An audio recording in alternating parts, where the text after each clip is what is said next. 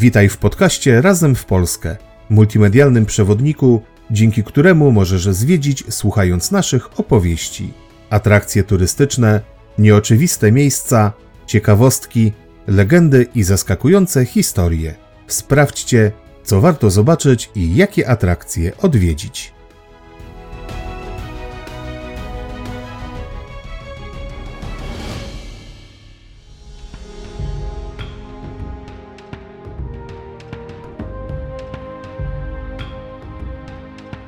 Odcinek 22 Morąg.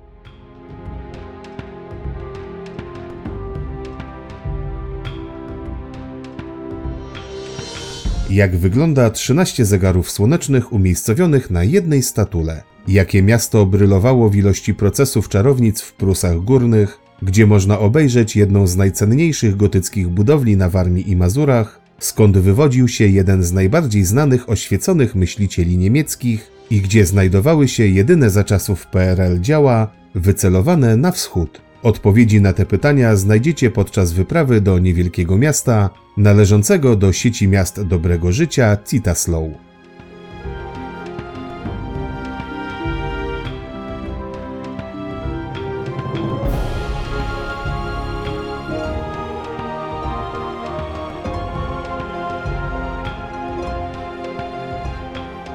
Zabieramy Was dziś do miasta na Mazurach położonego w okolicach jeziora Narie, nie mylić z Narnią, choć czasami jest tu równie bajecznie. Położony w województwie warmińsko-mazurskim Morąg może pochwalić się wielowiekową i ciekawą historią, zakłócaną przez liczne wojny, klęski żywiołowe, pożary i epidemie. Pomimo tego są tu świetnie zachowane bądź odrestaurowane zabytki gotyckie i barokowe. Sprawdźcie, jakie atrakcje warto zobaczyć w Morągu.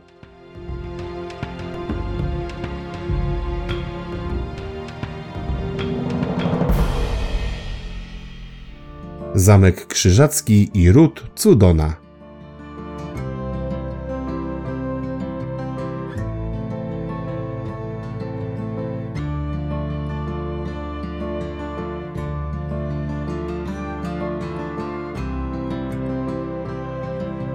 Rodzina Cudona pojawiła się na terenie Prus w połowie XV wieku jako rycerze zakonu krzyżackiego. Po przegranej z Polską wojnie trzynastoletniej zakon spłacał najemników nadaniami ziemskimi. W ten sposób protoplasta rodu Stanislaus Cudona otrzymał pod koniec XVI wieku na wieczne użytkowanie dobra, które stanowiły początek wielkiej fortuny, jaką kolejni członkowie rodziny pomnażali przez stulecia.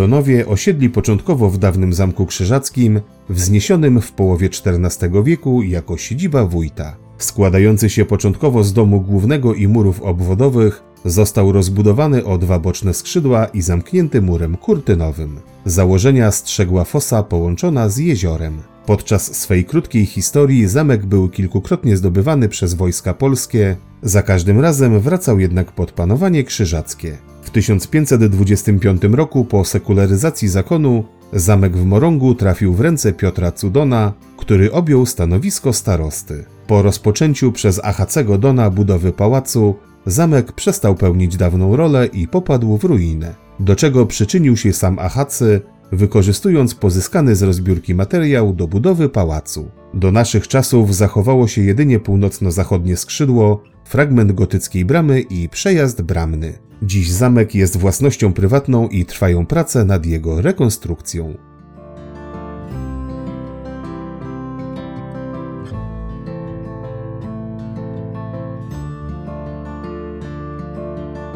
Jedną z baszt zamku w Morągu nazywano wieżą czarownic, od funkcji, jaką pełniła w średniowieczu. A że procesy o czary nie były tu rzadkością, świadczą statystyki. W wiekach od XVI do XVIII odbyło się ich w Morągu 17, co stanowiło ponad 40% wszystkich, jakie miały miejsce w tym regionie. Najbardziej znany odbył się latem 1749 roku, gdy o praktyki magiczne posądzono 14-letnią Barbarę Szwan. Która miała poświęcić diabłu swe nowonarodzone dziecko. Po długotrwałych torturach, w których skazana przyznała się do winy, ścięto jej głowę i zatknięto na pikę osadzoną na kilka tygodni na murach miejskich. Jej duch do dziś pojawia się w zamkowych komnatach, przekonując napotkanych o swojej niewinności.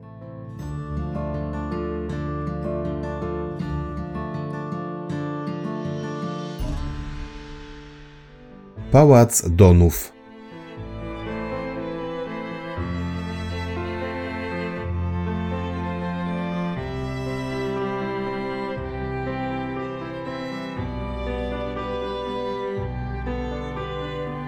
Pałac w Morągu wybudowano w latach 1562-1595 dla ważnego już wtedy w Prusach rodu Cudona. Jednak już pod koniec XVII stulecia pałac płonie w wielkim pożarze miasta. Odbudowa przeprowadzona w latach 1717-1719 w stylu barokowym zatarła obronny charakter budowli. Pomimo swego reprezentacyjnego charakteru nie była główną siedzibą rodową. Odbywały się tu zjazdy i spotkania rodzinne, znajdowała się wspólna kasa, biblioteka i archiwum. Pałac pozostawał w rękach rodu Cudona do lat 20. XX wieku, kiedy to sprzedano go starostwu powiatowemu. Funkcje urzędnicze sprawował do 1945 roku, kiedy to został spalony po wyzwoleniu Morąga przez Armię Czerwoną. Dalsza dewastacja obiektu nastąpiła w kolejnych latach powojennych. Do końca lat 60. XX wieku zachowały się już tylko fragmenty murów obwodowych. Odbudowę pałacu zainicjował dopiero w latach 70. wojewódzki konserwator zabytków w Olsztynie i od 1986 roku znajduje się w nim oddział Muzeum Warmii i Mazur.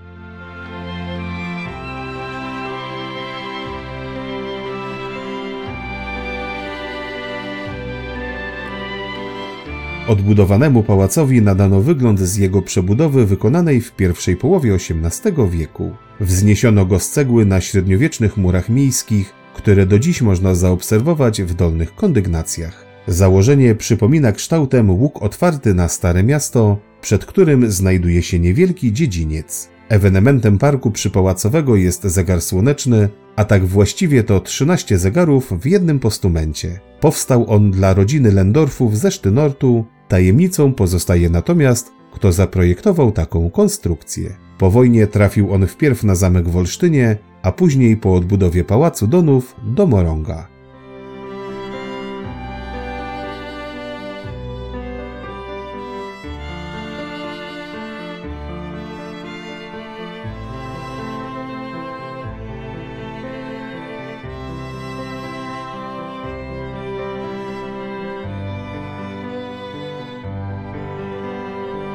Wewnątrz możemy obejrzeć wystawy holenderskiego i niemieckiego malarstwa pejzażowego z wieków od XVII do XIX, wykonanych przez artystów studiujących lub pracujących we Włoszech, zwanych potocznie italianistami. Dział artystyczny wzbogacają także panoramy miast, zamków i pałaców, wykonanych przez holenderskich grafików w XVII wieku oraz portrety dworskie z XVIII i XIX stulecia. Ważną częścią muzeum jest także wystawa poświęcona najwybitniejszemu mieszkańcowi Moronga, Johannowi Gottfriedowi Herderowi.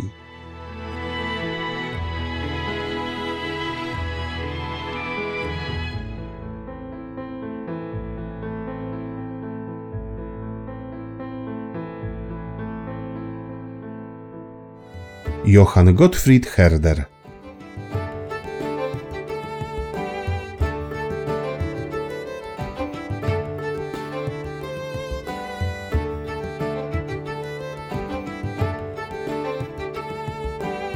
Johann Gottfried Herder, niemiecki filozof, pastor i pisarz, urodził się w 1744 roku w Morągu, gdzie spędził także pierwsze 18 lat swojego życia. Ogromny wpływ na jego młodzieńcze życie wywarł diakon Sebastian Friedrich Treu, u którego pracował jako chłopiec od wszystkiego, a zapłatą była możliwość korzystania nocami z biblioteki. Jako osiemnastolatek opuścił Morąg i rozpoczął studia w Królewcu, gdzie jego wykładowcą był m.in. Immanuel Kant, którego wykłady z filozofii wywarły ogromne wrażenie na młodym Johanie.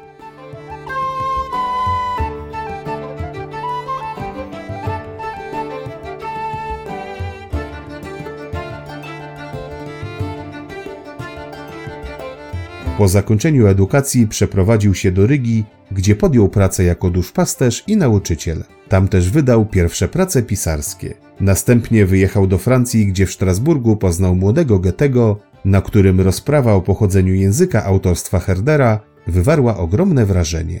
Po licznych europejskich wojażach osiadł na stałe w Weimarze, gdzie zajmował wysokie urzędy kościelne. Tam powstały jego największe dzieła. Herder interesował się językiem, jego powstaniem i rozwojem, a także wprowadził do filozofii pojęcie ludowości.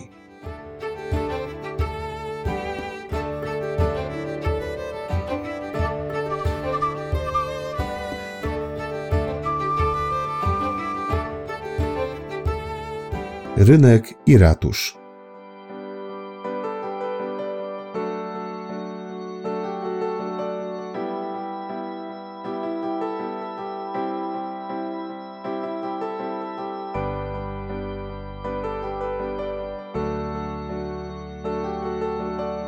Dokładna data powstania Moronga nie jest znana, wiadomo jednak, że około roku 1280 istniała tu drewniana warownia krzyżacka pobudowana w miejscu dawnej osady pruskiej. Rozwijająca się przy strażnicy osada uzyskała prawa miejskie na początku XIV wieku. Zbudowane na planie czworokąta miasto na przełomie XIV i XV stulecia otoczono murami z trzema bramami. W centralnym punkcie miasta wyznaczono rynek, na którym postawiono gotycki ratusz.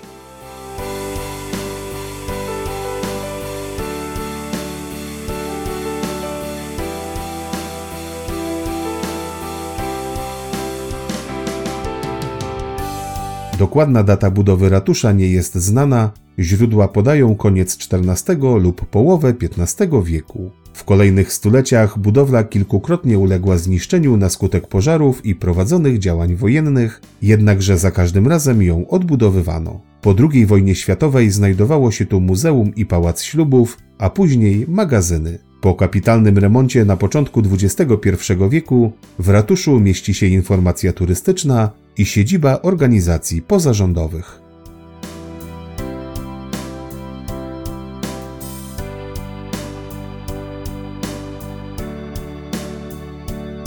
Jest to budowla ceglana wzniesiona na planie prostokąta z drewnianą wieżą. Ratusz strzeżony jest przez armaty odlane w 1864 roku w belgijskim Liège. Trafiły one do Moronga po zwycięstwie armii pruskiej nad Napoleonem, po której generałowie postanowili postawić je jako pomniki. Pierwotnie armaty wycelowane były na północ, jednak po II wojnie światowej zostały wycelowane na wschód i do 1989 roku były to jedyne w Polsce lufy skierowane w tamtym kierunku. Po drugiej stronie budynku znajduje się zabytkowa pompa, z której mieszkańcy przez wieki czerpali wodę, czynna również dziś.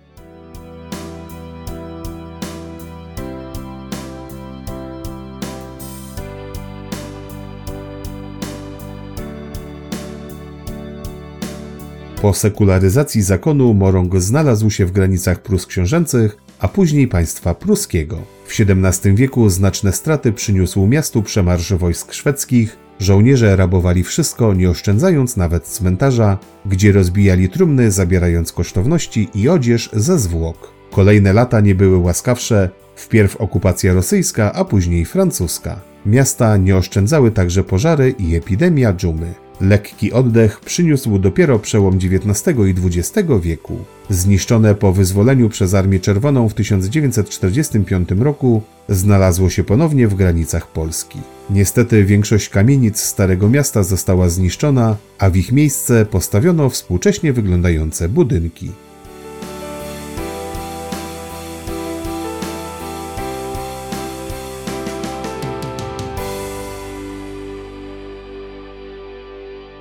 Kościół świętego Piotra i Pawła.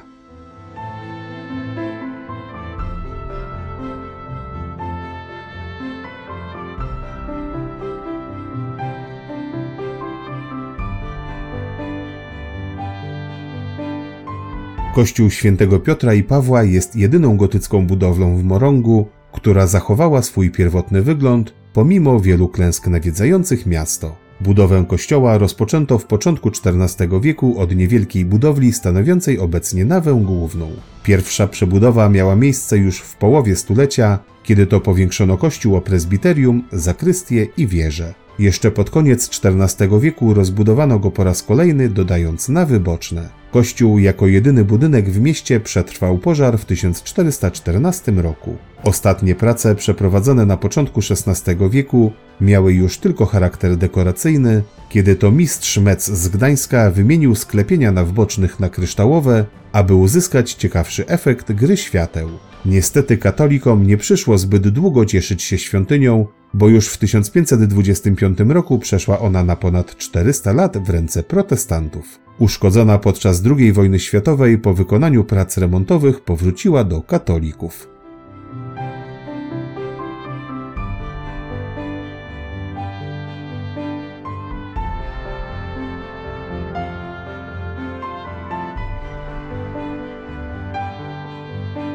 Kościół Farny ze względu na oryginalną bryłę i dobry stan zachowania należy do najcenniejszych gotyckich budowli na Warmii i Mazurach. Wewnątrz warto zwrócić uwagę na zespół średniowiecznych malowideł figuralnych pochodzących z XV wieku, przedstawiających sceny adoracji baranka, ukrzyżowania i apostołów. Zostały one odsłonięte podczas prac w 1948 roku. W prezbiterium znajduje się również kilka płyt nagrobnych członków rodziny Donów, zmarłych w XVI wieku. Barokowy ołtarz główny wykonany został przez mistrza Galerta z Norymbergi w 1690 roku, a w jego centralnej części znajduje się scena ukrzyżowania. Z barokowego wyposażenia pozostały jeszcze ambona oraz wykonany w 1705 roku prospekt organowy.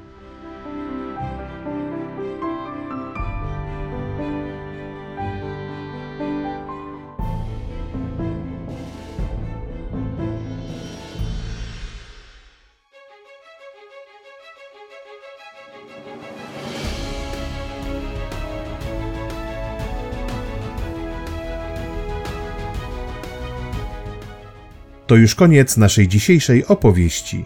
Przypominamy, że wszystkie atrakcje, o których tu dziś słyszeliście, możecie obejrzeć na naszym kanale Razem w Polskę na YouTube oraz przeczytać o nich w serwisie wypoczywamywpolsce.pl. Zapraszamy na kolejne nasze podcasty.